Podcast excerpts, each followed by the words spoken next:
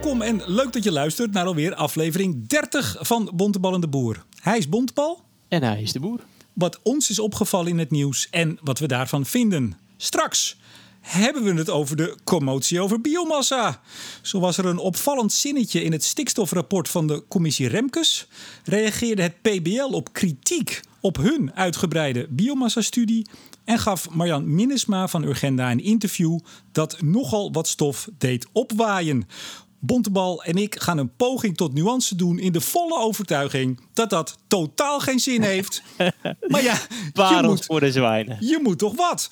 Precies. Eh, over nuance gesproken. In een opvallende opinie reageerde Eneco vorige week op het manifest over de nieuwe aanstaande warmtewet dat bijna 40 bedrijven en organisaties presenteerden.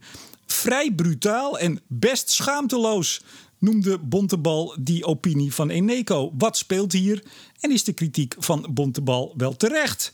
En we hebben het nog even over wasserstof uit Duitsland. Und natuurlijk ook uit die Nederlanden. Maar ja. eerst, Herr Bontebal. Heb jij afgelopen week nog lekker een beetje aan de beeldenstorm gedaan? Nee, ja, ik kom uit een protestantse traditie, hè. Daarom, Dus daar, daarom. Dat, dat, dat, dat hebben we ooit gedaan. Maar ik zou zeggen, niet goed bevallen. Dus niet meer doen. Nee, geen, boe- geen, geen boekje verbrand, beeldje stuk geslagen van de sokkel nee, getrokken. nee. Ik, ik, eh, ik, ik, eh, ik, zit zelf, ik ga er zelf regelmatig naar een kerk. En daar moet, daar moet in het verleden ook heel veel moois hebben gezeten. En het is nu inderdaad allemaal eh, toch vrij kaal. Hè, dus de kerk waar ik dan regelmatig komt uit het jaar 1000 of iets later. Eh, maar daar zijn de eerste resten eh, zeg maar rond 1000 en daarna nou ja, in, eh, natuurlijk platgebrand en, en bijgebouwd enzovoorts. Maar ja, dat is, ik vind het toch wel vaak jammer dat daar niet meer de oorspronkelijke ornamenten, beelden en fresco's in zitten. Dus dat hadden we als protestanten gewoon niet moeten doen. Ja, maar heb jij nog een mening over de, de huidige beeldenstorm? Die noemen we zo hè, een beetje overtrokken. Ja. Maar goed, me dunkt, hè. Er werd bij jullie ook wat. Piet Hein, vind die moest eraan geloven. Witte de Wit. Ja, ik, kijk, ik, je, je kunt bijna al niks meer over dit debat zeggen of je wordt als racist weggezet. Dus aan de ene kant ehm, vind ik het eh, als blanke eh, man moet je dus denk ho, echt Je moet zeggen wit. Blank, Oh, blank kan oh, echt nou, niet meer. Wit. als roomwitte man moet je, denk ik, gewoon in de spiegel kijken. En inderdaad bij dit soort dingen nagaan of er toch niet vormen van racisme zijn. Waar je zelf niet echt oog voor hebt. Hè? Dus, dus je kunt zelf iets, iets eh, ja, gewoon niet zien. Dat kan. Dus ik vind dat je dus. Dat we als samenleving daar echt, echt naar moeten kijken. Van, is dat zo? En als je de verhalen leest van sommige mensen die zich di- gediscrimineerd voelen, dan denk ik, ja, dan, dan, moet, dan moet je gewoon naar luisteren. Hè? Dus dan, En die ook, we ook wel soms echt gediscrimineerd worden. Als jij Ja, Ahmed precies. heet, heb je veel meer, minder kans om eh, voor een gesprek uitgenodigd te worden als dat je Jan heet. Ja, en, en nou, pa- pas was minister Kaag ook ergens eh, op, de op de tv. eh, Zoals D66 overigens heel vaak op de tv zijn. Ehm, maar die vertelde natuurlijk ook van, van haar partner die, die, die tandarts is. En ook... eh, eh, nou, Ja, of hij de schoonmaker was, hè, hoorden ze een keer. Ja, precies. En haar, haar kinderen. Dus, dus het, het is er gewoon. Dus volgens mij moeten we daar iets mee als samenleving. Ja, wat was Alleen- dat nou voor, voor sneer heeft tussendoor? Die sneer over D66 veel op tv. Ja, dus pas eh, toch hebben ze uitgezocht hoe vaak eh, v- politici van welke kleur bij op één terechtkomen. En daar Oh, bleek, bij eh, op één. Daar bleek eh, met, met name D66 oververtegenwoordigd te zijn. Ja, maar, maar goed. Het had er ook eh, wel een beetje mee te maken dat daar iemand in de redactie zit die toevallig de partner is van eh, eh, minister Ollongren, geloof ik. Maar Oh, hemel, is dat zo? Maar, maar je weet toch, de tv is wel iets groter dan op één, hè, alleen? Ja, zeker, zeker. Dat weet ik. Maar nog even over, dat, over die beelden. Ja. Ehm, ja, ik vind het. ehm, als je iedereen van zijn sokkel moet trekken die iets kwaads heeft gedaan in het leven, dan blijft er natuurlijk nergens meer een beeld over. Ehm, dus, dus ik vind ook een beeld is niet meteen ook een vorm van verering of zo. Dus ik snap wel dat je, dat je, dat je beelden waar echt, ja, die neergezet zijn ter verheerlijking van een persoon die echt aantoonbaar nu niet meer door de beugel kan. Maar als je het, als protestant zou ik zeggen dat, dat iedereen met de zonde behept is. Dus eh, er is niemand eh, volmaakt. Dus iedereen ma- mag af en toe van zijn sokkel getrokken worden. ja, maar ik heb ook een beetje haast. Want ik moet vanavond nog minstens een, een beeld of vijf, zes omtrekken. En ik ben het hele weekend ook al bezig geweest. Ja, ik heb een beetje haast. Ja, maar in Amsterdam, ja, ja oké. Ja, het Tropenmuseum, ach man, ik ga, ik ga alles langs. Gewoon niks deugt meer en eh, ik zal ervoor Weg zorgen. ermee. Touw Weg ermee. En met een show erop. Eh, in Precies. de sloot. In, de, in, in het ei gooien. In het AI. hey, het warmtemanifest. Ja. En vooral ook de kritiek van Eneco erop. Toch even. Warmtemanifest uh, vorige week gepresenteerd. Een partij of veertig, waaronder jullie. Ja. Uh, Stedin. Ik begreep van Ron Wit, die schreef de opinie. Het is de, de baas uh, energietransitie van Eneco. Die schreef een opinie een dag daarna. Komen we zo op. Maar hij zei, ja, dit is het initiatief van Alliander. Even korte check. Klopt dat? Nee, het is een, ja, natuurlijk gaat er altijd iemand schrijven. Maar het is natuurlijk een initiatief van al die partijen. En het is natuurlijk ook wel een soort disqualificatie van al die ja, andere nee, dan komen, partijen. ja, daar komen we zo. Ja, het zit je hoog, ik weet het. Maar even, uh, uh, zo'n zo 40 partijen, die hebben Ja. een manifest geschreven tegen, zoals Energia kopte, de eeuwig, het eeuwigdurend monopolie op het warmtenet. Nou is er een warmtewet 2.0 in voorbereiding. En eh, de, de partijen, waaronder jullie dus als steden, zeggen drie punten. Zet betaalbaarheid van de bewoners nou centraal. Ja. Stimuleer eh, warmtecoöperaties en duurzame innovatie. En benut ook de kennis, ervaring en uitvoeringskracht van publieke netwerkbedrijven. Juist. Nou, dat, dat zijn er niet zoveel. Dus ik vond, wel dat van de 40 clubs dat jullie best wel eh, flink punt hadden dan, hè, als eh, netbeheer. Ja, maar dit is het, dit- je ziet, kijk, bij zo'n manifest, iedereen stopt er wat in. Dus je ziet ook verschillende, de verschillende kleuren zeg maar, van de partijen. Hè. Dus de betaalbaarheid, daar zie je natuurlijk eh, partijen als Woonbond enzovoort, ziet dat belangrijk vinden. Waarmee ik overigens niet wil sug- suggereren dat netwerkgroepen dat niet belangrijk zouden vinden. Eh, nou, je ziet natuurlijk het coöperatieve deel, hè, dus dan zie je de, de, de coöperatiesector zie je daarin vertegenwoordigd.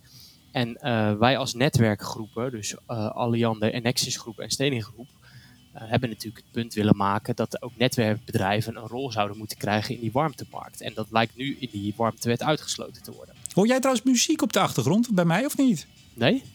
Er vaart hier een bootje langs. Dat is ongeveer zo groot als een sloep, maar er staat een stereo op. Ik denk dat je daar een klein Ja, festival prima mee kan Ja. bedienen. Ja, ja, ja. Ja, raampje open, zo gaat dat. maar hij zegt niet normaal. Altijd een feest in Amsterdam, hè? Ja, ach man. Altijd wat hartstikke te leuk. beleven daar. Ja, en nou straks trek ik ze gewoon omver hoor, met die boot. maar, maar, maar even, even terug naar het manifest, pardon. Ehm, jullie zeggen eigenlijk, als ik het kort samenvat en vul me maar aan, dat die warmtewet 2.0, die nu in voorbereiding is, dat die eh, ja, een aantal zaken gewoon niet goed dekt. En de belangrijkste is eigenlijk. Ja, toch dat eh, de, de, de innovatie en de toetreding ook van andere partijen, eh, ja, dat dat misschien wel niet gaat lukken met die nieuwe wet. Klopt dat? Ja, en, en kijk, voor ons is natuurlijk dat punt van die netwerkbedrijven een belangrijk punt. Ehm, kijk, wij krijgen gewoon als, als netwerkgroep krijgen we gewoon heel veel vragen vanuit gemeentes. ehm, eh, die aan ons vragen van willen jullie, eh, al dan niet met andere partijen, ehm, ons helpen met een warmtenet. Dus het is niet eens zozeer dat, dat, dat wij of andere netwerkgroepen heel erg die warmtemarkt willen bestormen. Nee, het is gewoon ook heel duidelijk een vraag vanuit de samenleving van willen jullie dat doen? Ja, dan zeggen jullie nou ga naar Eneco of naar En Natuurlijk. Ja, maar dat, Vattenfall, die kunnen dat voor je regelen.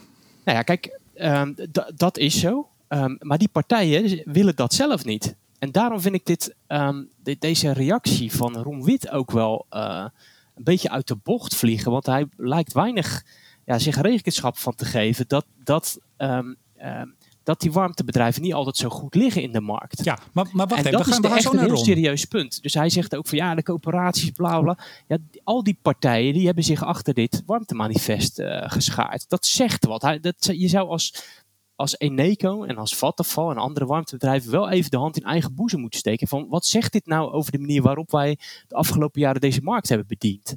Maar eh, Henry, even toch nog om dit af te maken. En dan gaan we naar Ron. Want ik zei het al en ik hoor het weer, het zit je hoog.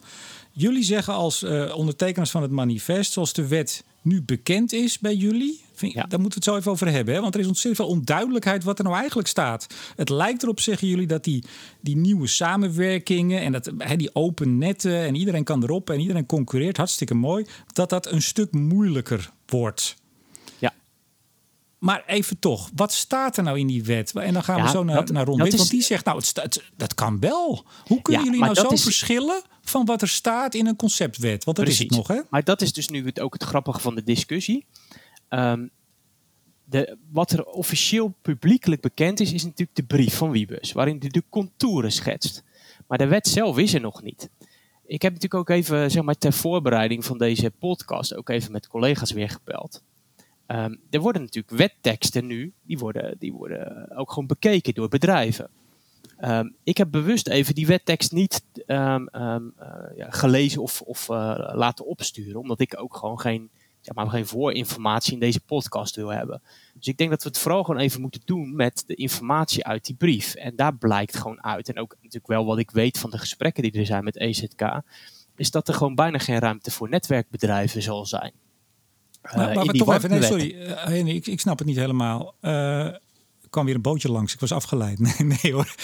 Maar even, jij zegt ik baseer me op de brief, want ik wil geen soort voorkennis hebben. Maar je hebt toch, je hebt toch wel een idee. Jij bent stratege bij Stedin. Jij hebt toch wel een idee wat er in die wet komt te staan? Uh, ja.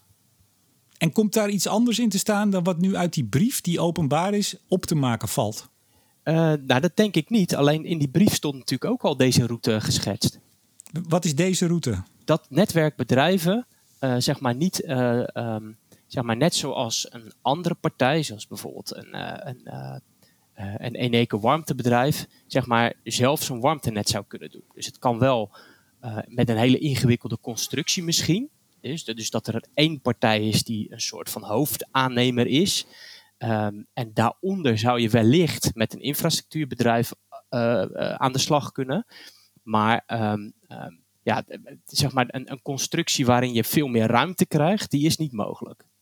En hoe dat precies in die wettekst staat, dat, dat kan ik je nu ook niet oplepelen, want dan zou ik die wettekst erbij moeten pakken. Ja, maar wie, wie zegt dus, een, één partij moet verantwoording dragen, want het is niet, het is niet makkelijk. Hè? Het is best ingewikkeld om het allemaal voor elkaar te, te krijgen. Je moet een bron hebben, je moet leveren, je moet een hele rattenplan. Dus uh, hij zegt, één partij draagt verantwoordelijkheid, maar dat wil niet zeggen dat ook alle activiteiten binnen die keten, die aparte stukjes, ook door één bedrijf uitgevoerd moeten worden. Als er maar eentje integraal verantwoordelijk is. Klopt. Klopt. En dat belemmert, zeggen jullie, de toetreding van kleine partijtjes, nieuwe bronnen, allerlei innovaties, dat belemmert het, zeggen jullie. Ja, en, en, en ons. Maar dat weet je dus niet zeker. Nou ja, kijk, omdat die wettekst is er pas op het moment dat hij naar de Kamer gaat. Ja, maar zijn jullie dan niet misschien een beetje volbarig? Want dan sta je met z'n allen een manifest en 40 partijen en meteen veel je, poeha eromheen. Nou, je, je, je, dat is toch niet erg? Je geeft hiermee heel duidelijk aan dat je bang bent voor een bepaalde route waarmee we iets dichtzetten. Um, uh, dus, dus ik denk dat het heel logisch is dat je in aanloop daarnaar uh, wetend wat, welke richting het opgaat, dat je dan ook al even zegt van nou, dit zouden wij geen goede route vinden. Maar kan het met de sisser aflopen? Uh, nou, ik denk niet dat het met een sisser af gaat lopen. Ik denk Waarom dat het niet? absoluut. Nou, ik denk dat dit nog. Kijk, het, de reactie van Ron Wit uh, op Energia spreekt natuurlijk boekdelen. Als ja, laten we, daar even, als, het daar even over als, hebben. Als er niks aan de hand is, reageer je niet zoals door een adder gebeten. Maar kent hij dan, kent hij dan die wettekst ja, al tuurlijk. goed? Ik, het zou mij niet verbazen als hij daar ook een flinke rol in heeft gespeeld. In, in, in, in, de, in het overleg daarover met EZK. Wel, ik dacht dat je ging zeggen dat hij een stukje geschreven heeft. Nou, ik kan niks uitsluiten. ik, ik, onderschat de capaciteiten van Ron Whitney. Want, Jij, wat laten we dat is even een slimme de... jongen. Dus die, die, die, die, en die zit goed aan tafel. Dus Ron is geen domme, domme jongen. Dus die, nee, voor de luisteraars. We hebben een beetje vertraging op de lijn, merk ik. Meer dan normaal. Uh, voor de luisteraars die denken, wie is Ron Wit? Nu chef energietransitie bij NECO. Uh, was voorheen uh, bij Natuur en Milieu, maar met name ook bekend geworden, zeker in, in de interne kringen, als de hoofdonderhandelaar van het ja. Energieakkoord in 2013 ja. namens de NGO's. Ja. Buitengewoon scherp onderhandelaar. Uh, en als hij helemaal vasthoudt, dan houdt hij vast, hè? Zeker. Dus het is een terrier. En dat is, ja. dat is ook een kwaliteit die, die, die, die ik in hem prijs, zou ik Was zeggen. de gast bij Bontebal, of bij Bontebal, mij nou, bij Studio Energie een keer. buitengewoon emabele, emabele vent. Ja. Ja, ja, en veel kennis van zaken. Hè. Dus, ja, dus, doet verder niet ter zake hiervoor, maar toch leuk om even te melden. Ja, precies. Hey, maar kijk, wat mij opviel, wil ik je even, want bedoel, jij hebt hier met, met de jouwe natuurlijk uh, druk naar gekeken. Ik, ik zei al even jouw oordeel wat je erover twitterde, dat, dat ging best ver. Ik vond het eerste deel van zijn opinie, vond ik goed inhoudelijk. Uh, ja. Daar zegt hij, uh, nou ja, weet je, uh, die ruimte is er wel. Hè. Ik vat het maar even heel kort samen. Laat iedereen het even lezen. Het staat bij Energia, volgens mij ook openbaar. Dus ook als je geen abonnement hebt. Um, uh, hij, hij, zegt dan ook van ja, er wordt door de, de 40 uh, manifest ondertekeraars iets over Zaanstad gezegd. Ja. Maar wij zijn nou juist in, geloof in Utrecht bezig hè, met, uh, met drie nieuwe duurzame bronnen in ons net aan te sluiten. Dus nou, kijk aan. Ja. Wat zij willen, dat gebeurt. En, uh, en noem dat dan ook. Hè. Dat is natuurlijk impliciet wel een klein beetje het verwijt aan jullie. Um, hij zegt ook uit verschillende studies, onder andere van SEO en Ecorus, blijkt dat, um, of is geconcludeerd dat de splitsing van warmtenet en levering bij de huidige schaal van de warmtemarkt, dat is belangrijk hè, een niet volwassen markt juist meer nadelen dan voordelen oplevert. Ja. Nou, tot zover. Maar dan het tweede deel. Ja, maar daar zit ook in dat eerste deel. Kijk, het, het, stuk wat hij geschreven heeft is, is, is, niet op alle punten onwaar. Hè? Dus er zitten best wel een paar punten in waarvan ik zeg, nou, daar heb je wel een punt. Alleen er zit ook wel een aantal tegenstellingen in. Hè? Dus op het moment dat je zegt dat vooral zeg maar, uh, uh, integrale projecten Ehm, dat daar zeg maar de, dat, dat, dat de beste business case oplevert, ja, dan zou ik zeggen, nou wacht dat dan gewoon af. Dan, dan komen die projecten ook als vanzelf als, als beste uit de bus. Maar blijkbaar is hij dan toch bang dat dat niet het geval gaat zijn. dus, dus, dus of je zegt van ehm, ehm, het, is, het is niet het geval, dus dan laten we het vrij. Uh, of je zegt van ja, we laten het, we laten het. Hier kom ik niet helemaal goed uit. Nee, ik wou net zeggen, kunnen de mensen dit nog volgen? maar, maar, maar, laten we even. Laat, nee, maar laten we even er tegenstrijdig, tegenstrijdigheid uh, in zitten. Dus als integraliteit leidt tot een betere business case, ja, dan zou ik zeggen, nou, la, laat het zien. Laat het dan als die gemeentes komen zien dat dat zo werkt en dat je met de beste business case komt. Nee, maar als hij zegt dat, dat zij nu al in Utrecht bezig zijn om drie duurzame bronnen, dus niet van hun, neem ik dan aan, eh, aan te sluiten op hun net. Dat is eigenlijk waar jullie voor pleiten. Hè? Dat moet mogelijk zijn, dat er concurrentie is. Dan is dat toch een mooi voorbeeld dat dat dus blijkbaar nu wel gebeurt. Ja, zeker. zeker. Dus, dus, dus um, um, als er staat dat het nergens gebeurt, dan heeft hij een punt dat dat niet klopt. Nee, Saandam hebben jullie het over, geloof ik, in het manifest. En dat is, nou goed. Maar wat ik een opvallende vond, en dat vind ik eigenlijk daar begon ik een beetje te twijfelen aan uh, het betoog van, uh, van Ron Wit van Eneco. Hij, zegt, hij heeft het op een gegeven moment over dat uh, netwerkbedrijven, jullie, ja, dat er een risico bestaat als jullie ook je op die warmtemarkt gaan begeven van kruissubsidies en aantasting ja. van de onafhankelijkheid. Nou ja, daar, daar zit natuurlijk mijn grootste. Dat, dat, daarom ja. gebruik ik ook het woordje schaamteloos. Ja, vertel. Nou ja, kijk, als er ergens partijen zijn die zwaar gereguleerd zijn en waar de ACM bovenop zit, dan zijn het de netwerkbedrijven. Of de netwerkgroepen moet ik zeggen. Dus in uh, Stedinggroep, Nexusgroep enzovoorts. He, dus elke scheet die wij laten, die ligt onder het vergrootglas. En, vergrootglas. en ik zou ook zeggen terecht, dus daar is niks mis mee. Um, dus dus uh, ik denk dat, dat, dat netwerkgroepen in die zin uh, uh, transparant zijn. En, en juist de warmtebedrijven is vaak wel verweten dat ze niet transparant zijn. Niet transparant zijn over kosten enzovoorts. Dus dat vind ik, dat vind ik best wel een, een, een raar verwijt. En daarnaast, ja, um, uh, dezelfde auteur heeft natuurlijk de splitsing van Eneco en Stenen met hand en tand uh, proberen tegen te houden. Ja, want jullie waren één, hè? Voor de luisteraars die het niet weten, jullie waren één bedrijf. En toen werd dit argument totaal 180 graden op, uh, omgekeerd gebruikt. Ja. Dus dat vind ik wel. Dan denk ik, ja, dat, je kunt toch niet in een paar jaar um, uh, het totaal tegenovergestelde uh, beweren. Dat, dat, dat, ja, dat vind ik toch een beetje schaamteloos. Nee, Eneco heeft echt uh, hangend met zijn vingertoppen nog aan het ravijn tot op het allerlaatst ja. geprobeerd om de splitsings nou, tussen netbeheers en... Maar op een gegeven moment was het de, de, dat debat met Henk Kamp in de Eerste Kamer. Ik heb dat helemaal live zitten volgen en met mensen zitten appen hoe dat precies afloopt. Dat was politiek gezien een erg spannend debat. Um, maar dat was, was niet zo spannend geweest als inderdaad Eneco, niet met zijn volle gewicht uh, geprobeerd heeft die splitsing tegen te houden. Inclusief personeelsleden die allemaal opgetrommeld werden om naar uh, Den Haag te gaan. En nu zegt Eneco eigenlijk, stel dat het ons gelukt was om die splitsing uh, ongedaan te maken, dat we één waren gebleven, dan was dat eigenlijk heel erg risicovol geweest. Dan hadden wij misschien wel kruissubsidies. Ja. Dus ja, dan, dan deugden wij niet. Nee, en, en dan, misschien wel. Dan denk ik juist de, de, de de ACM en juist de, ook in, met wet, vet enzovoort, daar is juist heel erg geprobeerd om, uh, om dat soort dingen te voorkomen. Uh, er zijn allerlei regels waarop, waarop wordt voorkomen dat dat, dat, in netwerkgroepen gebeurt. Hè, dus dat de netbeheerder een netwerkbedrijf uh, bevoordeelt. De, ACM kijkt erop toe. Dus ik vind dat niet zo'n sterk argument, moet ik eerlijk zeggen. Ik moet overigens wel zeggen dat uh, het is natuurlijk niet zo. Jij zegt wel, wij worden als netbeheer heel sterk gereguleerd en alles ligt onder het vergrootglas. Bijvoorbeeld Alliander, die zijn toch ook wel eens een aantal jaar geleden allerlei leuke BV'tjes begonnen. En allerlei van energiebesparingsadvieskantoortjes en ik weet ja, niet wat. Klopt, dat klopt. Wat wel allemaal een beetje, en daar was ook echt wel kritiek op door de ja, ACM. En uiteindelijk klopt. hebben ze ook de laadpalen moeten verkopen, toch? Ja, precies. Dus er zijn, maar er zijn een paar dingen gebeurd. Voor een deel is dat omdat de aandeelhouders natuurlijk van uh, Alliander dat toestonden. Hè, want het gaat dan over het commerciële deel. Nou, vervolgens is de vraag van welke ruimte heb je? En die ruimte is natuurlijk de afgelopen jaren uh, mede door het politieke debat daarover verder aangescherpt. Hè. Dus dan heb je het over de, de kerntaken en welke uh, taken nog um, um, gedaan mogen worden door die commerciële bedrijven. Dat is natuurlijk aangescherpt. Uh, en de ACM heeft natuurlijk wel degelijk ingegrepen steeds. Dus ik ja, zou maar, juist zeggen. Ja, maar dat, nogmaals, dat heeft jullie gewerkt. hebben niet. Ja, maar, maar het, het is niet zo, laat ik het heel scherp zeggen. Je moet jullie wel een beetje in de gaten houden. Want zodra het wat soepeler wordt, dan. Nou, ik uh, zou het preciezer zeggen, ja. meneer De Boom. Je moet Ja. sommige netwerkgroepen beter in de gaten.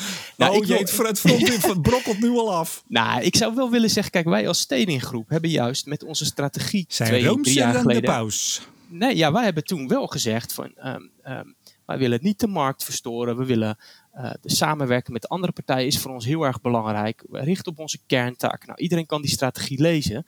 Stedin heeft als eerste netwerkgroep eh, heel veel commerciële activiteiten eh, afgestoten. Juist om ons te richten op de kerntaken. Dus, dus ja, ik, en daar zie je wel echt, denk ik, verschil tussen netwerkgroepen. Hey, tot, tot slot, want dat vond ik ook wel een opvallende. Hij heeft het ook nog over, dat vond ik ook een beetje een, een moeilijke. Dat jullie hebben heel veel centjes. Ja. Eh, dat, daar ging het eigenlijk Nou, over. ja. Nee, toch? Ja. Maar, maar dat Ja. jullie misschien wel centjes kwijtraken. En, en daardoor, hoe was het ook alweer? Help me Ja, even. hij, hij zegt dat, dat, dat, dat eh, enerzijds zegt hij hè, de kapitaalkrachtige netbeheerders. Anderzijds zegt hij ja, van jullie staan aan de lat voor miljoenen, honderden miljoenen aan investeringen. Oh ja, Eh, dat was nou, wij hebben natuurlijk als, net, als verschillende netwerkgroepen, dus Alliande, eh, Enexis en Stedin, hebben natuurlijk, eh, zijn in gesprek met aandeelhouders. Dat is ook eh, allemaal publiek bekend. Dus hij zegt van ja, hoe kan je nou in warmtenetten gaan zitten op het moment dat je je, je elektriciteitsnetten moet verzwaren en daar geld voor nodig hebt.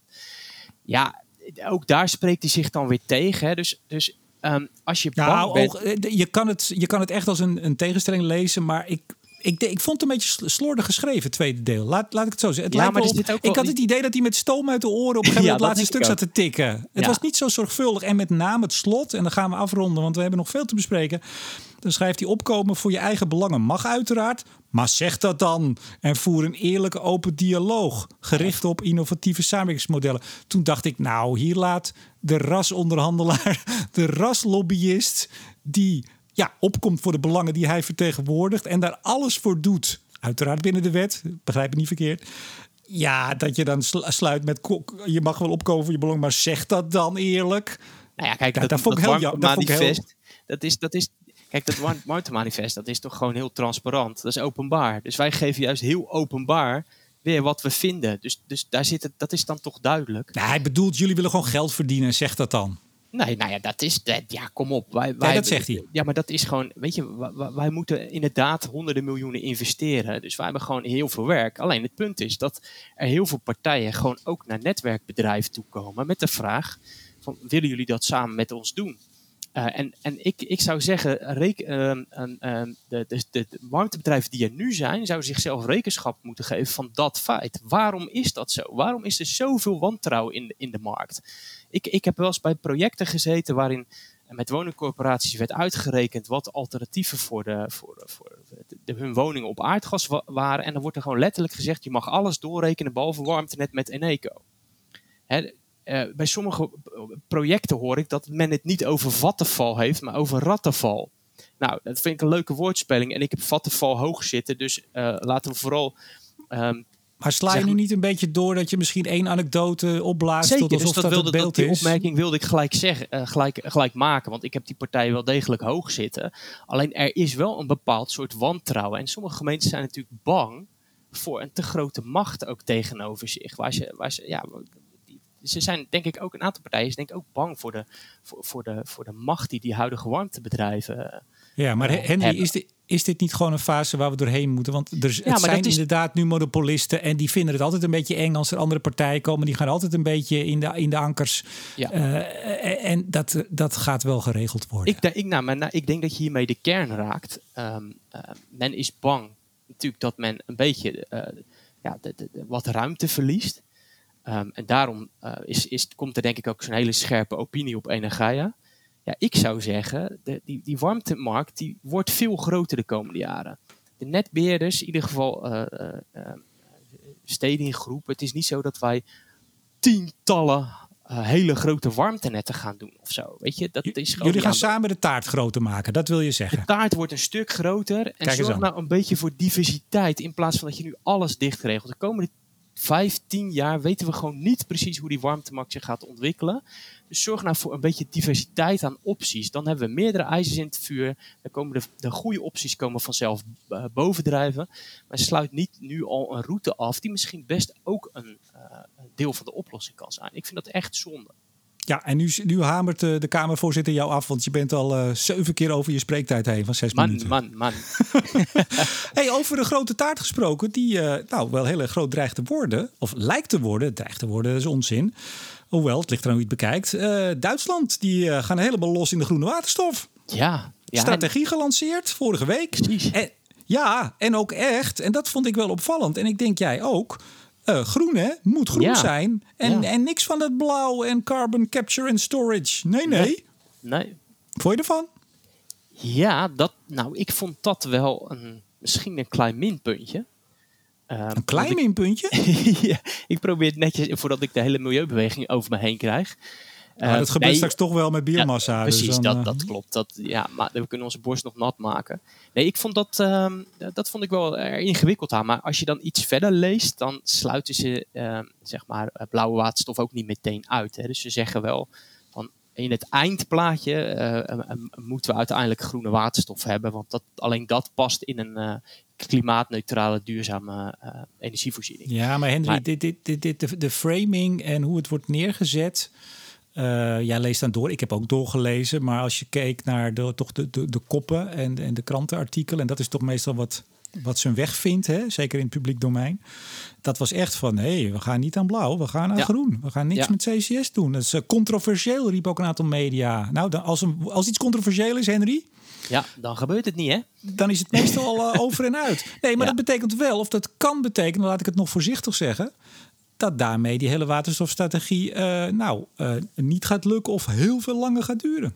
Ja, dat zou kunnen. Dat zou kunnen, want ik geloof nog steeds dat eh, de route naar groene waterstof zal voor een belangrijk deel ook gewoon echt via blauwe waterstof gaan lopen. Al is het maar gewoon om infrastructuur klaar te leggen. En in heel veel gevallen zal zeg maar, groene waterstof niet eens tot CO2-reductie leiden. Ehm, eh, dus, dus ja, ik denk nog steeds dat het meest rationeel is als je het eerst gewoon ook via, ook via blauwe waterstof doet.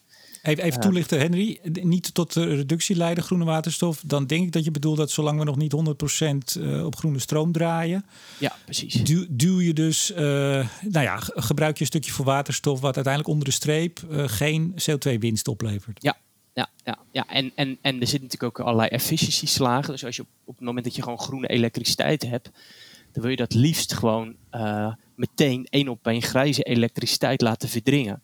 In plaats van dat je het nog omzet in iets anders eh, met allerlei efficiëntieverliezen. Ja, dus je moet je duurzame energie die je hebt, moet je ook zo efficiënt mogelijk gebruiken, zou ik Ja, zeggen. alleen aan de andere kant kunnen we ook niet wachten tot we 100% Nee. duurzame elektriciteit hebben, hernieuwbaar. Nee. Want dan zijn we ook te laat. Dus, Precies. maar dit wordt dus weer, nou, we gaan het zo over biomassa hebben. Dat geldt eigenlijk hetzelfde. Dit is een overgangssituatie. Ja, Wij houden daarvan, wij erkennen ze, wij herkennen ze. Maar de meesten houden daar niet van. Het moet van zwart, naar wit.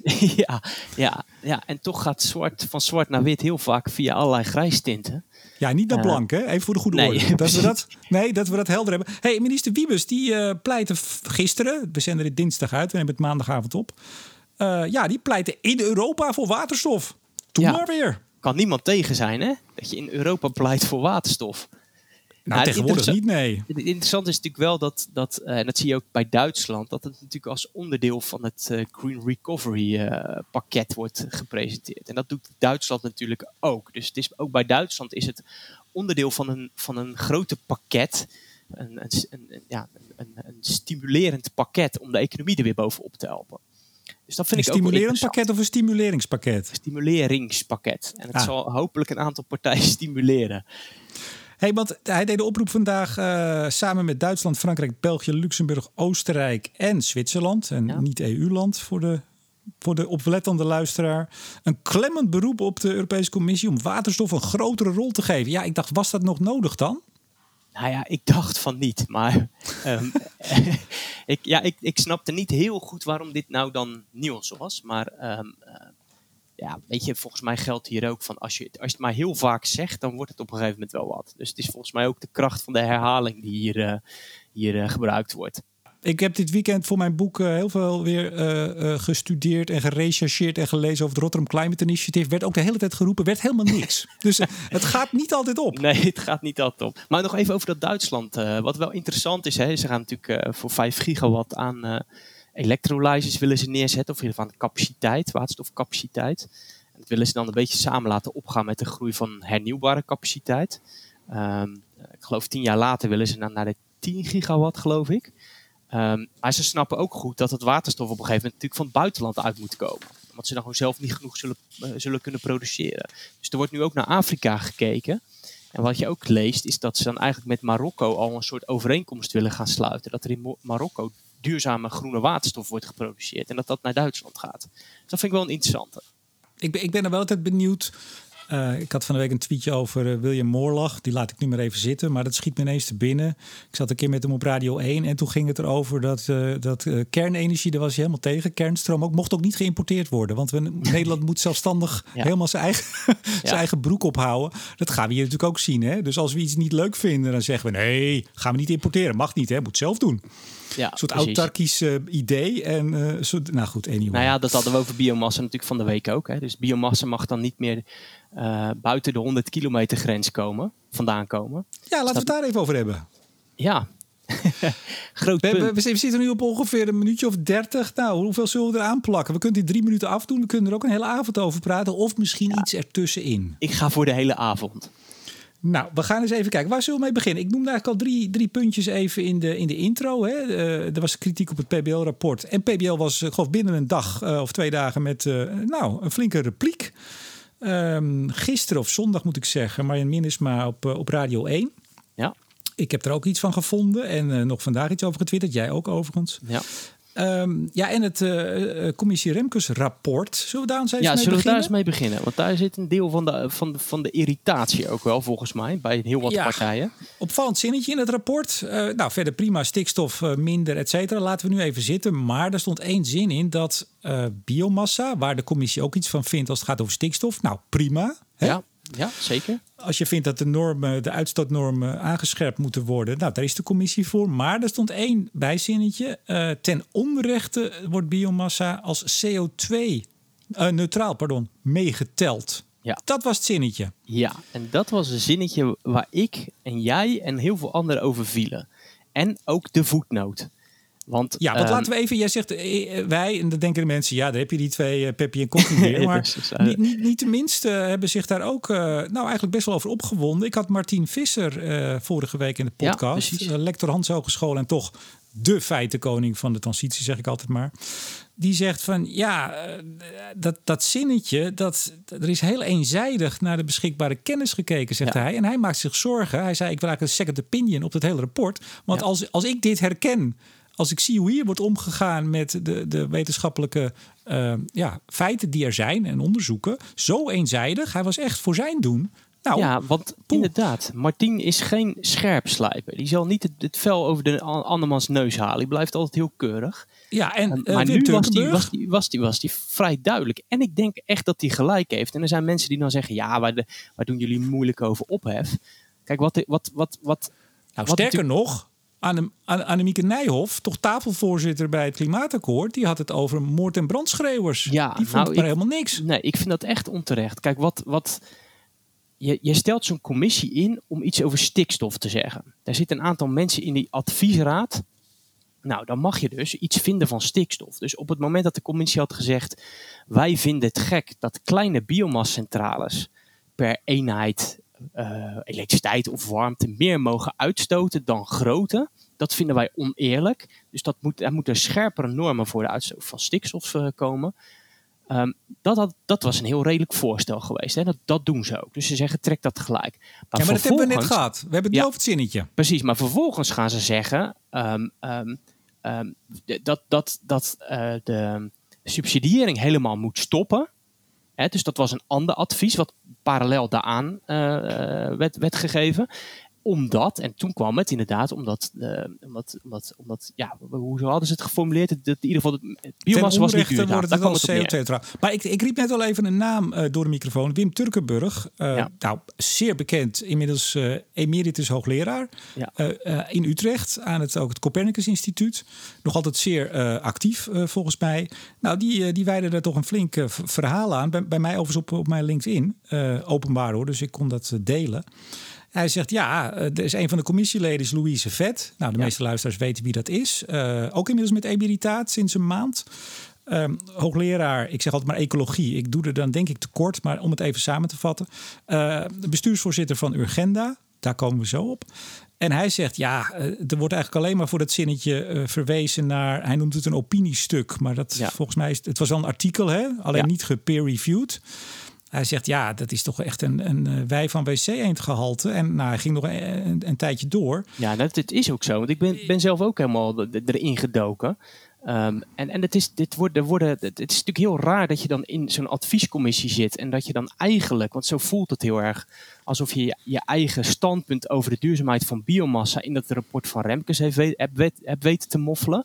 Vervolgens wordt daar niet uh, verwezen naar een lijst van bronnen maar wordt er verwezen naar één artikel. En dat is niet eens een soort ja, dat is niet een soort, soort peer-reviewed artikel. Dat is een soort, soort samenvattend artikel. Waar dan uh, Louise zelf uh, ook een van de auteurs van is. Dat vind ik ja, dan even, ook even toch gek. ter nuancering. Jawel, het, het, maar, maar ik geloof wel tien auteurs. En ik geloof iets van 25 pagina's. Ja, maar of zo, je hè? moet We zo- hebben het niet over de twee A4'tjes. Ja, hè, maar ga, eens even googlen op die auteurs. Dat zijn Ja. vaak mensen die bij, bij dat E EA, EASAC, eh, weet ik veel, die, die soort, soort overkoepelende club. En dat zijn mensen die soms helemaal niet in die biomassa-discussie zitten. Dus het zijn vaak geen wetenschappers die echt in deze discussie over bosbouw of wat dan ook zitten. Dus het is een soort KNAW-club. eh, dus dat zijn niet echt de, ja, de hoogleraren die zelf dat onderzoek doen. Dus dat, dat is ook gek. Nee, maar dan haal ik, het is dan ook haal gek, ik hè, even... want het PBL-rapport is net geschreven. Daar verwijs je dan niet naar. Hè, vuistdik rapport, 120 eh, pagina's of, of meer.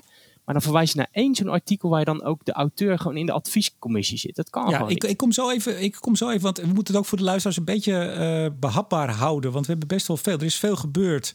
Ehm, ik wil nog even terug naar die kritiek op dat Louise Vet als commissielid. Eh, Guido van der Werf, eh, hoogleraar Global Carbon Cycle. Ehm, interessant artikel geschreven. Hè? Wat Ja, was het? Zondag? goed. Jij hebt het gedeeld, ik heb het ook gedeeld. Heel goed artikel. Althans, Ja. nou ja, ja, goed artikel. Ik bedoel, informatief. Eh, eh, nou, ik vind dat je dat tot je moet nemen, laat ik het zo zeggen. Ik geef er even geen oordeel over, maar goed artikel om erbij te lezen. Eh, hij zegt ook van ja, het zou prettig zijn, dat zei hij met wat understatement, als Louise Vet achtergrond zou geven bij deze gebeurtenis. Hè? Wat, wat, ja, je kunt daar niet dat maar laten lopen. En dat doet ze wel. Hè? Er, is, er komt geen reactie op. Op toch de kritiek van een aantal vooraanstaande mensen die zeggen: ja, maar dit, dit, kan, dit kan niet zo. Nou ja, kijk, zij heeft zich natuurlijk in het verleden heel vaak uitgesproken in deze discussie. Dus zij vindt dit.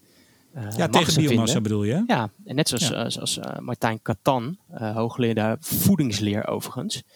Ehm, ja, ik, Ja, ik ook vind dat ze emeritus. Hè? En, en ik, nee, maar ik wil even zeggen, net Martin Jonginger haalde ik aan. Je weet, die heb ik geïnterviewd alweer een tijdje terug. En die zei, dat vond ik heel netjes. Ja, eh, Martijn Katan is inderdaad geen eh deskundige op biomassagebied of bio-energie of ecologie. Maar hij zegt, eh Jonginger zei dus, ik kijk altijd naar de argumenten. Dus als die goed zijn, mag het ook iemand zijn wat mij betreft die niet uit het vak ja, komt. dat, dat, dat, Vind is ik altijd wel Dat, dat, dat, dat klopt. Maar het, het, het blijft een gek verhaal dat in een commissie die over stikstof moet adviseren, dat je een duurzaamheidsadvies gaat geven.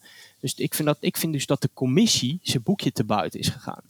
En, het is, en, en je kunt zeggen, ja, je maakt daar een heel groot punt van. Ja, maar dit is nu, nu juist eh, in een tijd dat er een enorme discussie over biomassa is. Dan moet je dan als commissie denk ik heel erg zorgvuldig doen. En niet, niet iets gaan roepen over, over een onderwerp waar je eigenlijk gewoon niet niks van of te weinig vanaf weet. Maar wat dus- vond je van die kritiek van Annemiek Nijhoff? Die zei van ja jongens, dit gaat over dit is een stikstofrapport. Maak je niet zo druk om dat ene zinnetje. Nee, let, nee, let nou even op waar het om gaat. We moeten die stikstof terugdringen, want anders. Nee, want er wordt een advies gegeven. Er wordt niet alleen een advies gegeven om die normstelling aan te pakken, waar ik het eigenlijk best wel mee eens ben. Maar er wordt ook een advies gegeven om er geen subsidie meer aan te geven. En dat is niet gebaseerd op, op die stikstofdiscussie. Die is gebaseerd op het feit dat in het rapport wordt geconcludeerd op basis van één bron met als auteur een van de, de commissieleden. dat, dat, het, dat biomassa niet, du- niet duurzaam is. Dus je gaat dan gewoon je boekje te buiten, vind ik, als, als, eh, als commissie. Maar denk je dat dit is doorgedrongen tot de opdrachtgever van dit rapport in Den Haag? Dat weet ik niet. Ik hoop dat ze onze podcast luisteren. Ja, natuurlijk allemaal. Dus dan weten ze het vanzelf.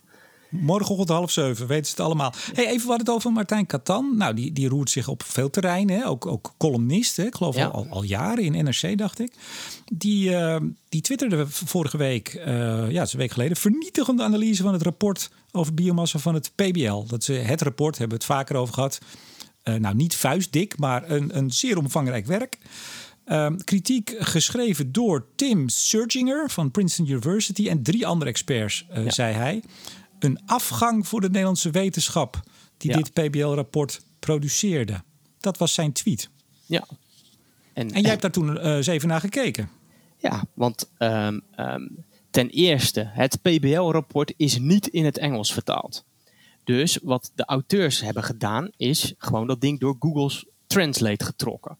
Nou, daar kan je wat van vinden, hè? want kijk, krijg je Ja, dan even, alle... even, t- sorry Henry, eh laten we zorgvuldig blijven. Het PBL antwoordde twee dagen later in, Ja. even kijken, 1, 2, 3, 4, 5, 6, 7 tweets. Ik vond het heel opmerkelijk. Ja? Ik heb dat nog nooit gezien. Nou, dus ik denk dat ze geluisterd hebben naar onze podcast. Want wij hebben natuurlijk regelmatig gezegd dat ze eh, af en toe wat vaker eh, op Twitter zouden mogen reageren. Dus ik vind Henry, een- soms stijgt het je ietsje naar het hoofd. Maar goed, nee, maar even opvallend dat zij in, in zeven tweets reageerden. En zij zeiden, nou misschien omdat ze hem wel door Google Translate hebben gehaald. Nee, maar, goed, heeft- dat hebben ze zelf ook gezegd. Hè? Want ik heb het aan die, ik, heb, ik heb die searching heb ik get- getweet en gevraagd. Eh, hoe heb je de, in jouw beste Engels. in mijn beste Engels van eh, hoe die aan zijn vertaling is gekomen. Dus die heeft gewoon gezegd. Hij zegt ja, Google Translate is tegenwoordig heel goed. Ik heb hem ook Serie- gevraagd. Serieus? Ja, ja, Serieus? ja, ja, serieus. Tweet kan je vinden. Ik, heb hem ook ik, heb, ik, ik vroeg hem ook hemel. van ehm, eh, door wie heb jij deze opdracht gekregen? En hij zegt ja, dat heb ik, ik heb geen opdracht gekregen. Ja, ik, als, als je een beetje gaat googlen op die hele, op die hele scene, zeg maar, op die, eh, op die hoogleraren en wat ze doen en wie met elkaar contact heeft, dan zie je heel snel een soort netwerk van an- anti, antibiomassa wetenschappers en lobbyisten. Want een van de andere auteurs van het artikel, dat is een dame die gewoon, als je kan je gewoon op Twitter zien, als je haar tweets ziet, dat, dat zijn gewoon enorm activistische tweets. Dat heeft weinig wetenschappelijks.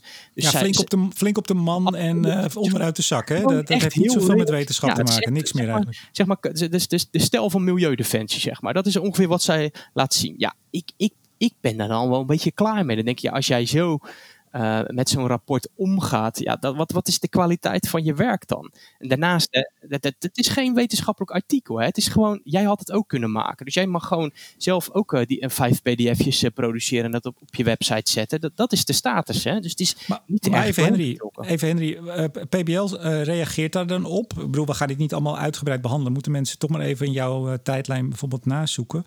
Eh, de, kritiek is dan, eh, zegt dus die eh, Searchinger, Tim Searchinger...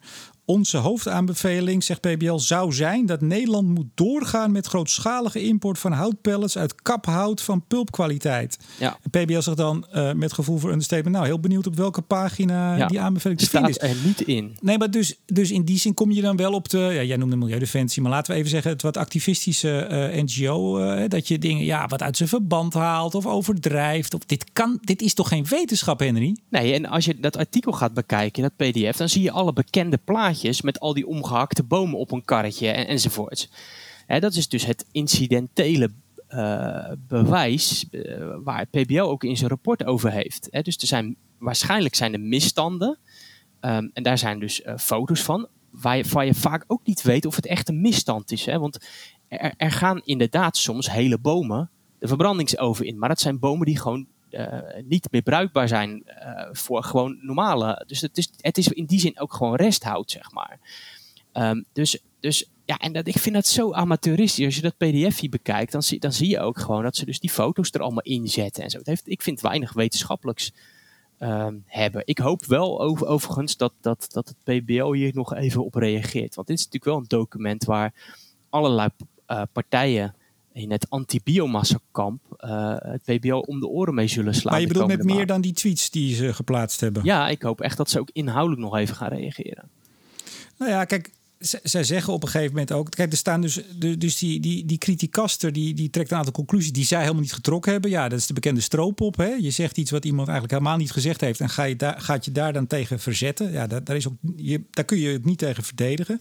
Maar ze zeggen wel. En toen ik, ik heb toen de pers, eh, de embargo persconferentie online met, uh, met de opstellers van het rapport, daar was ik bij.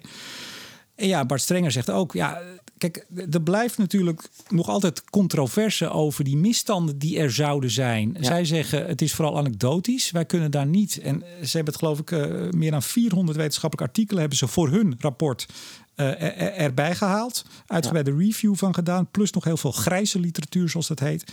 Zij zeggen, nou ja, je, je, moet dat verder onderzoeken, die signalen van misstanden. En dat is natuurlijk wel goed. En daarmee geef je natuurlijk ook altijd de ruimte maar terecht als wetenschap. Uh, voor mensen die zeggen het is één grote puinzooi en stoppen ermee. Morgen, nu. Ja, en dat, dus, dat is heel goed. Hè? Dus ik zou zeggen, haal al die misstanden naar boven. Uh, uh, laat ze zien, maak ze transparant. Maar één misstand is niet een bewijsvoering dat de hele sector rot is. Dus um, um, incidenteel bewijs moet je dus wel uitbreiden tot, tot een onderzoek naar, naar wat er in het algemeen gebeurt dus de 1% uh, kan niet, is niet representatief voor de 100%. Dus op basis van incidentele bewijsvoering kan je niet zoveel. Ja, je moet dan bedenken van is onze certificering goed genoeg? Zien we wel genoeg toe? Maar je moet wel echt met meer komen dan dit. Want nu maak je een hele sector, zet je in, een, in het verdomhoekje. Terwijl ja, ja je, je, je laat een paar foto's zien van misstanden.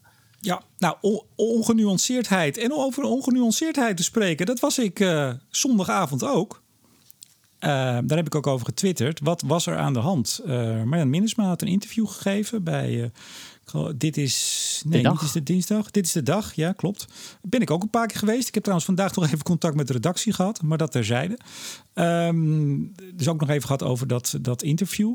Zij, zij was daar, nou, ruim 18 minuten. Het was een lang gesprek over heel veel, hè? Ja, over haar drijfveren, over van alles. En toen zag ik gisteravond vlak voor het slapen gaan een bericht van de NOS. Titel Urgenda-activist Minnesma, dubbele punt. Stop subsidie biomassa, zet gaskraan open. Ja. en ik las dat artikel. Ik heb niet, en dat heb ik ook al op Twitter uh, uh, gezegd, ik heb toen niet die 18 minuten geluisterd. Dat had ik wel moeten doen. En ik heb uh, van onbegrijpelijk met één woord heb ik erboven gezet en dat heb ik getwitterd. Ja. Nou, en ik, Weet je, ik heb zelf een ontzettende hekel aan mensen die uh, ja, zo'n één woord even onderuit de zak. Dat deed ik. Dat was stom. Had ik niet moeten doen. Uh, ik had het eigenlijk vooral nog, misschien nog niet eens zozeer uh, Minnesma. Hoewel ik dacht, nou, dat zou ze dit echt gezegd hebben. Ik bedoel, het zit er wel in die hoek, hè? en dat blijkt ook wel. Daar gaan we het nu even over hebben. Maar ook weer die berichtgeving, zo'n kop. je ziet het gewoon glijden, hè? Alles wordt uit zijn verband gehaald. Want wat blijkt dus, dat deel zet gaskraan open is niet dat gezegd. weggehaald. Ja. Nee, dat zegt ze helemaal niet. Nee. Dus, dat, eh, en het is inderdaad, ik heb meteen van een aantal mensen van, heb je wel geluisterd? Ook Minnesma zei tegen mij, luister nou even die 20 minuten of 18 minuten. Nou, het is veel genuanceerder en gebalanceerder. We komen zo even op wat ze nou precies zegt en wat wij daar dan van vinden. Maar ik moet zeggen, uh, nou ja, wat ik al zei, hè, dat, dat, dat moet ik niet doen. Ik, jij hebt het ook wel eens, hè, dat je even uit de bocht vliegt. Nou, dat je eigenlijk nooit. Eigenlijk nee, nooit. jij nooit, hè? hoeveel, hoeveel tweets heb je ook weer weggehaald al de laatste tijd? Dat weet ik niet, maar dat waren. Dat ik, niet, ik, haal, ik haal alleen genuanceerde tweets weg. Ja, oh ja, op die manier. Nee, maar ik baalde dan ook van dat ik me toch. Um, ik had hele weekend aan mijn boek zitten schrijven. En dan komt er weer zoveel langs van ongenuanceerdheid. Ja, dan doe je het zelf. Dat is ook zo killing natuurlijk. Maar ik zag dat bericht. Nou ja, laten we op de inhoud even ingaan. Ja, maar weet je... Zet de, de maar open. In die zin is het net zoals bij het koffie. Iedereen zegt af en toe wel eens iets stoms. Het gaat er niet om of je wel eens wat stoms zegt, maar of je er dan op terugkomt. Ja, en ik heb nog daarna een tweet gemaakt over nou, dat het ook niet heel onverwachts was. Omdat Louise Vet bestuursvoorzitter van Urgenda is. En die heb ik weggehaald. Want maar Minnes zei... Maar nu heb je hem weer uitgesproken. Dus nu is die nee, al ja, nou ja, om, dat, om, om boete te doen. Ze zegt nou, dat is wel... Uh, een beetje filijn. Ik zeg, nou, dat is te filijn en ook helemaal niet chic. Uh, dus ik, ik heb dat weggehaald. Dat was echt stom van me. Uh, niet voor het slapen gaan, mensen. Niet vlak voor het slapen gaan nog even een tweet eruit. Maar even nu de inhoud. Want ik heb vandaag uh, eh, 17 tweets gemaakt, een draadje. Daar heb ik heel veel reacties op gehad. Jij ja. hebt ook een lang draadje gemaakt. waarin wij geprobeerd hebben om wat nuance aan te brengen. Ja. Zijn we erin geslaagd? Laat ik eens met een gekke vraag beginnen. Ja, het is lastig om in, uh, in een paar. Kijk, een draadje heeft als nadeel dat mensen natuurlijk op een gegeven moment in slaap vallen. En ik heb de neiging om soms hele lange draadjes te maken. Um, uh, ja, eigenlijk moet je natuurlijk gewoon snel een artikeltje te schrijven. En per tweet heb je maar, nou, hoe was het ook weer? 180 of 240 tekens. Um, dus je kunt een paar dingen eruit halen ja, ik denk dat het ons wel lukt om daar wat kanttekeningen bij te plaatsen. Maar ook hiervoor geldt, ja, uh, Marjan zegt ook terecht, ik krijg een paar minuten om iets te zeggen. Dus, dus ook van haar kant zitten natuurlijk meer nuance. Dus um, hoe je verder komt, is dat er dan een gesprek komt. En dat je het met elkaar dan verder uitdiept. Van wat bedoel je dan precies? En waar ligt voor jou dan de grens? En onder welke voorwaarden zou jij het dan wel oké okay vinden? Dat vind ja. ik een veel interessantere vraag. Ja, wat, en dat is wel interessant, want zij zegt, uh, en ik heb het twee keer geluisterd en goed zitten meeschrijven. Ja, dat doe je dan, hè? Ze, zegt, ze begint te zeggen, ik bedoel, ze hebben iets over het andere onderwerpen. Ze pleit trouwens voor industriepolitiek. Ja. Nou, dat heb je ook gehoord vast, hè? Zeker. En, ze, en, voor meer beta's in de politiek. Daar was ik ook erg blij mee. Tuurlijk, tuurlijk. Um, maar op een gegeven moment gaat het over biomassa. Ja, het is een heel ingewikkeld onderwerp. Er zijn heel veel vormen waar niets mis mee is. Ja, zegt ze Ja, dat valt allemaal weg, hè? In ja. zo'n in, in zo'n in zo'n bericht. Um, en dan zegt ze op een gegeven moment, als je het heel cru zou stellen. En dan komt er iets over gas, gaan we het ja. zo over hebben. Dus even toch voor mensen die denken, nou, die is meteen uh, helemaal om. Want dat gebeurde er dus vandaag, maandag dus dat ik zag veel, uh, die komen daarvoor uit, dus dan, dan kan ik dat zeggen, PVV en, en Forum voor Democratie aanhangers, die daar ja. zeer uh, fier op zijn. Die zoiets hadden, die hadden echt een fantastische dag maandag. Ja, en de die zeiden van nou, ja. ja. nee, maar serieus hè, van, van zie je wel, uh, we krijgen wel gelijk, we hebben gelijk en we krijgen het en we krijgen het nu zelfs van Urgenda. Ja. dat is dan toch een bijeffect wat ik denk Marjan Minnesma absoluut niet bedoeld heeft. Ja, de ehm, Telegraaf die kopt ook zoiets van de, de, de, de Urgenda, dat een draai. En de, nou, ze hadden het woord draai erin gebruikt, geloof ik. Ja, nou goed. Kijk, en, en dan zei de presentatrice, die zei ook, ja, er, er zijn 600 biomassa-centrales. Dat, dat dacht ik ook weer van, hoe kan dat nou? Hoe, hoe, ja, wie, ik denk wie dat heeft dat nou voorbereid en wie, wie heeft nou ooit ergens gevonden? Want het is niet zo, dames en heren. Nee, wie heeft nou ooit gevonden dat er ergens 600 biomassa-centrales dat is, staan? Dat is, uh, ja, er is bezuinigd hè, op de NPO. Dus er zijn denk ik weinig uh, ja. mensen op de redactie die nog gewoon even de boel kunnen nachecken. To the point. Marjan zegt, we hebben nog maar 10 jaar. En dat is heel erg essentieel. Urgenda, Marjan Minnesma, maar ook heel veel andere uh, mensen die zeer bezorgd zijn over het klimaat. Ze zei dit ook al toen ik haar best wel een tijd geleden in de podcast had. We hebben nog maar tien jaar. Dit zijn de tien cruciale jaren. Hierin moet het gebeuren. En dat betekent heel hard uh, naar beneden met uitstoot. En dan zegt ze. Ja, hè, tuurlijk, een boom groeit weer terug. En dat kost 20 jaar of 100 jaar, zegt ze. Nou, ik, ik denk dat dat wel iets genuanceerder, iets meer te pinpoint is. Maar la, laten we even meelopen daarmee. Dat kost het, maar die tijd hebben we niet. En dan kun je beter, uh, als je dan toch kiest, hè, als je het cru stelt, zegt ze, kun je beter aardgas gebruiken, waar per energieeenheid uh, veel minder uh, CO2 vrijkomt. Als je dan maar zorgt, en dat hoort er natuurlijk bij, dat je over tien jaar heel veel andere bronnen hebt om helemaal ervan af te kunnen. Ja. En dat ben ik, ja, ik hoop het voor haar, ik hoop het voor ons, ik hoop het voor iedereen. Maar ik denk, ben bang, ik weet eigenlijk wel zeker, dat dat niet het geval zal zijn. Nee, ja, kijk, of die, die, tien jaar laat ik graag aan klimaatwetenschappers over. Ik denk dat nee, Of wij dan, nee, of wij dan voldoende bronnen hebben om al helemaal van het fossiel af te zijn. Ja, Zo uh, hoor nee, ik haar tekst. Tuurlijk niet, dat is uh, niet realistisch. Um, en, maar ik zou, ik, ik, waar ik vooral moeite mee heb, is met, met de redenering van je hakt een boom om, die verbrand je, komt er CO2 bij vrij, plant je een nieuwe boom, die neemt CO2 op maar voordat die boom volgroeid is en weer op hetzelfde niveau zit, ben je 20 of 100 jaar verder.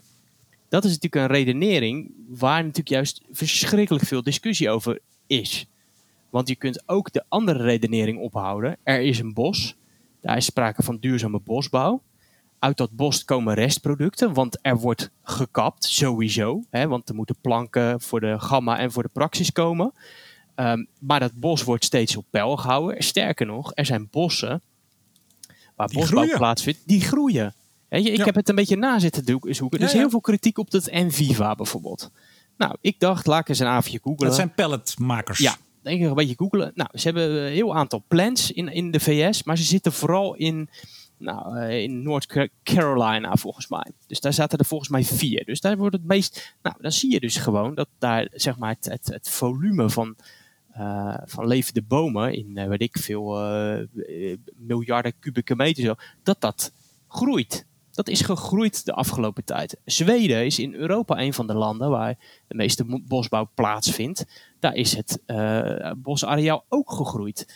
Dus ja, ik vind die tweede benadering veel interessanter. Want ja, dat zijn bossen die, weet je, op, op, op een stuk veld wordt soms graan verbouwd. Ja, hier wordt bos verbouwd. Dat is niet oerbos wat dan gekapt wordt. Nee, er wordt bos. Het is bosbouw. Dus daar, alsof je zeg maar gewassen uh, plant. Nou, en, ja, maar Henry, Henry, laten we even. Want ik heb dit ook. Ik heb hier ook vaak uh, rapporten, met name Scandinavië. Doen ze natuurlijk al heel lang. Daar leven ze van de bosbouw in alle facetten.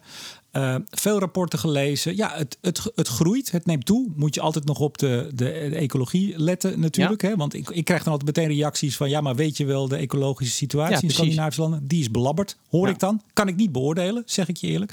Maar het gaat er even om, als je denkt en vindt dat je maar tien jaar hebt... of laat het voor mijn part twintig jaar zijn... om de uitstoot zeer fors te reduceren...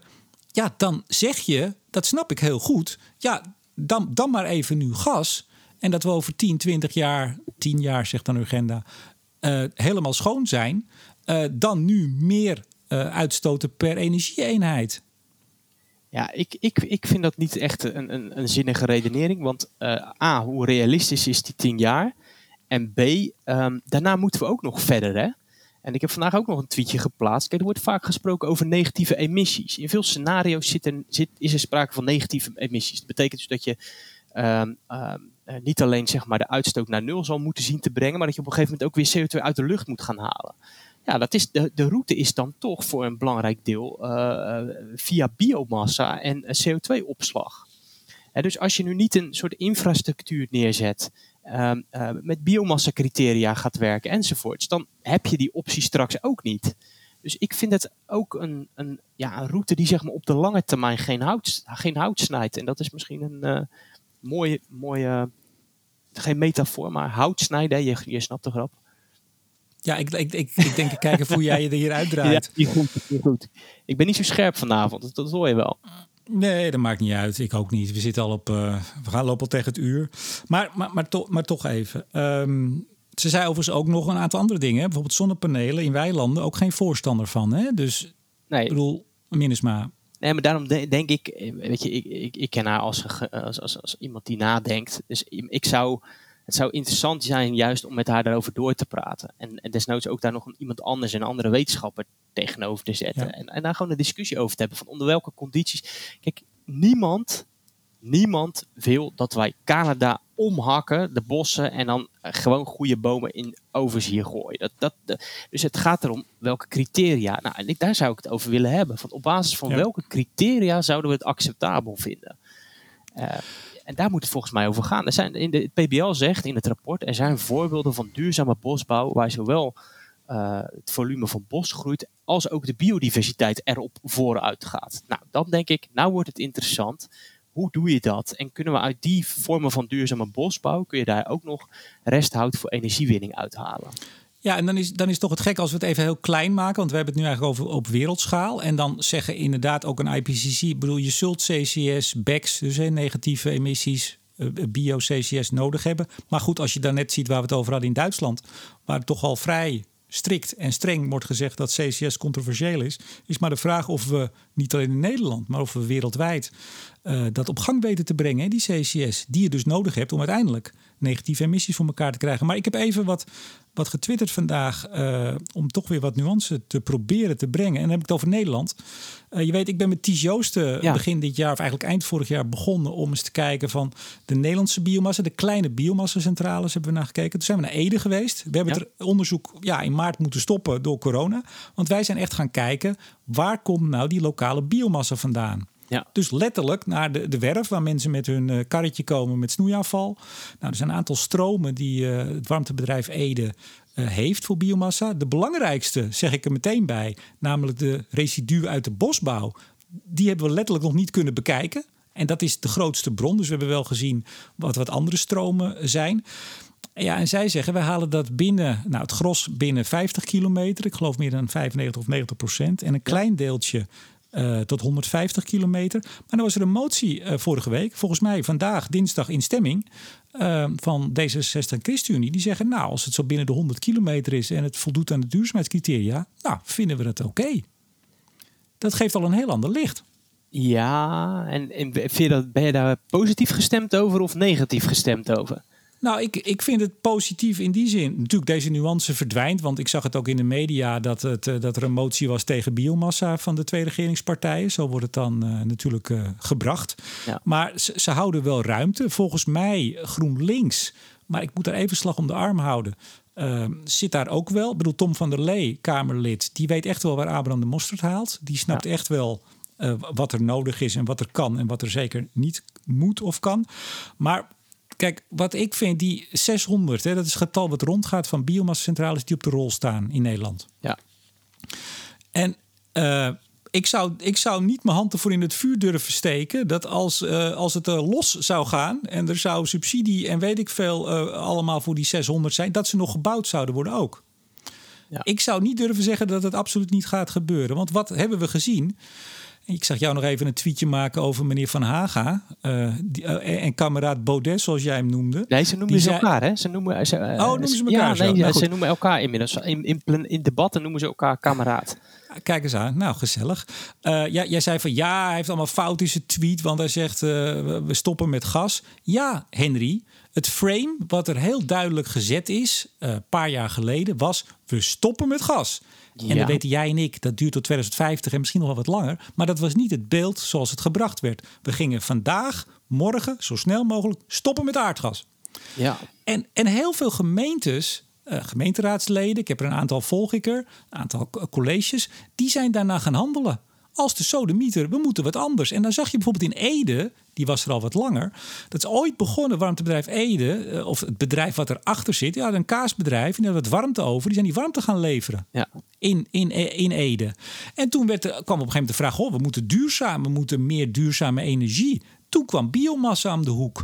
En nog meer gemeentes wilden dat. Nou, dan kunnen we van het gas af. En uh, nou, dan hebben we een hartstikke mooi alternatief. Dus die drang of die wens om er 600 neer te zetten... Ja. is voor een groot deel te danken, of te wijten mag je zeggen... aan het totaal verknipte beeld... dat we op stel en sprong van het aardgas af moeten. Ja, maar wat vind jij nou van die 100 kilometer? Nou, ik denk... Goed dat, dat je dat nog even herhaalt, want dat was je vraag. Ik was zo op gang. ja. ik, ik denk, maar we hebben ons onderzoek dus niet af kunnen krijgen. En ik denk ook dat we het niet af gaan maken. Want ik ben inmiddels een boek aan het schrijven. Uh, Ties is ook met allerlei onderzoeken voor de correspondent uh, bezig. Dus nou goed, het staat nu even on hold. Ik denk dat het die 600 totaal niet kan. Ik zeg dit even op buikgevoel. Ja. Uh, ik denk dat die 100 of 150 kilometer rondom in dit geval Ede... dan haal je dus al heel veel weg bij heel veel andere gemeentes. ja, ja. En de vraag is dus de vraag moet niet zijn, we gaan 600 biomassa-centrales neerzetten en waar halen we die biomassa vandaan? De vraag moet zijn, hoeveel duurzaam te oogsten residuen, uh, houtige biomassa en andere natuurlijk, is er beschikbaar? nou, ik zou persoonlijk zelf andere criteria. Ik zou gewoon zeggen, um, kijk, die 100, die vind ik een beetje gek. Um, um, want nou ja, ik heb zelf ook op Twitter uh, laten zien dat zeg maar scheepvaart, dat, dat, dat is veel minder vervuilend. Hè? Dus de afst het, is, het maakt ook nogal uit van um, um, zeg maar transport, de, de, vervuiling van transport. Dat, dat is dat, dat nou, bij schip is. Hey, maar wacht even, Henry, sorry, ik ga je even onderbreken, want we lopen ook flink uit de tijd. Het, het gaat in het ben je met me eens dat we moeten kijken wat is er binnen Nederland beschikbaar ja. totaal? Dat is in kaart brengen. Nou, ik, nee, wacht even. Oh, sorry. Daar hebben, daar hebben PBL en, en, en C Delft, er zijn meerdere rapporten die daar in ieder geval een, een flinke aanwijzing eh, ja. in geven. Vervolgens moet je kijken hoe bezwaarlijk vinden we het als volgens duurzaamheidscriteria er biomassa geoogst wordt in andere landen. In hoeverre vinden we het bezwaarlijk dat we dat invoeren? Ja, ik zou Toch? zeggen ja. Dus ik, dat, die discussie moeten we hebben. Daar moet je studies naar Want doen. we voeren en... zo ongeveer alles in. Van je onderbroek tot je, ik weet niet wat. Alles komt uit het buitenland. Ja, ja, nee, ja precies. Dus, uh, en, en dat zijn natuurlijk wiebes leuk in het debat. Van er is een bierbrouwerij in. Maar noem niet welke, welke uh, Zoete Wouden. En als, als de bierbrouwer in Zoete Wouden zijn producten ook alleen maar lokaal Heineken. zou af, afzetten... dan zou het hele dorp constant ladderzat zijn, zei hij. Nou, ehm, dat is natuurlijk zo. We halen natuurlijk overal van alles vandaan. En we, we exporteren ook van alles overal naartoe. Kijk, ik zou wel zeggen, zeg maar, ehm, hoe verder het is, hoe minder grip je hebt op de, op de, op de, op de sector, zeg maar. Dus, dus uh, op grote afstand iets controleren is lastig. Ik zou toch weer zeggen, dit moeten we Europees aanpakken. Dus laten we desnoods zeggen, we halen alleen nog maar biomassa uit Europa. En laat Europa nou gewoon een heel goed duurzaamheidskader maken. En dus de, Europa is daar ook mee bezig. Ook met een strategie uh, waar ook bosbouw enzovoorts, biodiversiteit komt allemaal naar voren. Dus ik zou zeggen, Europa maakt daar gewoon een heel ambitieus verhaal in. Uh, beschrijf welke uh, duurzaamheidscriteria je met elkaar wil gaan hanteren. Zorg ook voor netto groei van het bosareaal en ook van de toename van biodiversiteit. Dan kan dat inderdaad samengaan, volgens mij. Dus ik, uh, Europese aanpakken. En vervolgens, uh, en dat is in ieder geval, ik weet niet of jij veel tweets krijgt van mensen die mordicus tegen biomassa zijn. Er zijn heel veel comité's en mensen die buitengewoon luidruchtig en soms ook volstrekt onbeschoft uh, je in de nek springen. Ja. Die hebben het over de uitstoot. Die zal het misschien wel worst zijn waar die dingen vandaan komen.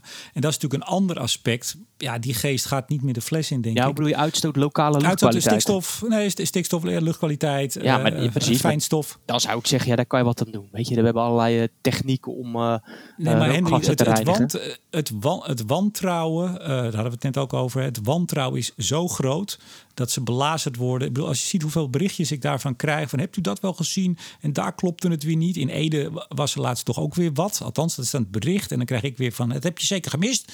Weet je, het vertrouwen ja. is, is gewoon. Uh, is weg. En je ziet het kantelen. Ik geloof Nijmegen uh, wil, wil het niet. Ja, ja. Uh, allerlei gemeentes die trekken hun handen ervan af. En laten we misschien tot slot uh, samen concluderen, denk ik. Maar corrigeer me maar als het niet zo is. Biomassa is niet een oplossing, een vervanging van aardgas. Eens? ja, eens. En houtige biomassa. Hè? Ja, precies. Nou, dan val ik zelf in de, anders in gaan we, valkuil. krijgen we weer ook uh, mensen op ons nek. Nou, en ik vind het ook interessant. Uh, uh, het was een GroenLinks-congres. En daar werden ook moties over biomassa aangenomen. En één motie, ik vond hem echt slecht. Het gewoon heel slecht geformuleerd. Um, en vervolgens wordt er in de... Was dat nummer 17? Ja, en dan wordt er vervolgens in bronnen ver, ver, verwezen naar een uitzending van Rutger Kastrikum.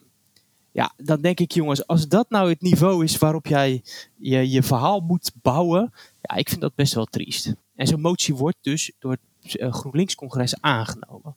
Ja, ik heb in 2013, oh, ja. dat, was, dat was mijn klein uh, Twitter-dingetje met William Moorlag, PvdA-Kamerlid. Uh, die zei van ja, de PvdA was altijd sowieso, of hè, was altijd tegen schaliegas. Nou, toen heb ik hem even iets teruggestuurd. Ik heb daar een boek over geschreven, drie jaar aan gewerkt. En er was een congres op een gegeven moment, daar draaide het wel. Waar eigenlijk de partij definitief zei, of de leden moet ik zeggen, uh, dit willen we niet. Het was in Leeuwarden. Dat was tegelijk met de strafbaarstelling illegaliteit. Dat weet ja. je nog, hè? Ja. Uh, en dat, daar waren ze ook tegen. Dus daar moest de PvdA draaien. Dat werd schaliegas, want de rest zat al in het, uh, in het regeerakkoord met de VVD. Maar terzijde, daar heb ik eens de, de, de vijf mensen die inspraken... en die er uiteindelijk voor zorgden dat zo'n motie werd aangenomen... Ja, ik zeg het even wat onparlementair, maar het, het, het, het sloeg nergens op. Onwaarheden, echt niet normaal. Gewoon, het was, raakte kan nog wal. Ja, ja, en, en dat, dan zie je dat zo'n ja, congres precies. kan zeggen die kan je echt opzwepen. En toen zei uh, Martijn van Dam, voor wie hem nog kent, die zei: Nou, als het zo is, iemand zei: Ja, maar er wordt al geboord naar schaliegas. Is nooit gebeurd hè, in Nederland. Het, het gebeurt al. En toen zei hij, de legendarische woorden: Nou, als dat zo is, dan moet u gewoon naar Jan Vos, want die gaat het dan tegenhouden. dus daarmee erkende hij eigenlijk van: Het gebeurt al. Hij wist Ja. ook niet dat het niet gebeurde. Nou, Ja. kleine anekdote. Goed. Um, het is niet een, een, een vervanging voor, voor aardgas. Het is een, een, een tijdelijke. En nou ja, ik denk dat het in Nederland over en uit is. Voor Zeg hout, ik je. houtige bio. Ja, ik hoop Ja. het eigenlijk niet. Maar ik ben bang dat het spel inmiddels zo fel gespeeld wordt. Eh, dat, ja, dat het de weg gaat van schaliegas, de weg gaat van kernenergie. Straks gaan we CCS op die manier nog aanpakken. Straks mag Ja. groen gas niet meer. Eh, nou, en, en daar houden we eigenlijk geen enkele optie meer over. Want uiteindelijk ook zonnecellen en windmolens, daar kun je ook wat van vinden. Dus eh, als we zo doorgaan, staan we dankzij de milieubeweging met lege handen.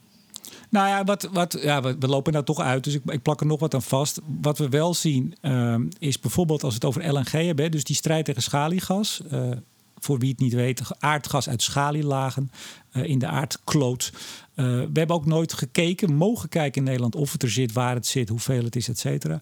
Maar uh, er was een bericht bij Energia vorige week, zo'n jaarverslag van, ik noem maar even de LNG-terminal in Rotterdam. Die, die na jaren wat kwakkelen, ja. nu tot zijn nek toe vol zit met, met vloeibaar gas. Veel uit Rusland, maar ook een aanzienlijk deel kwam er vorig jaar uit Amerika. Ja.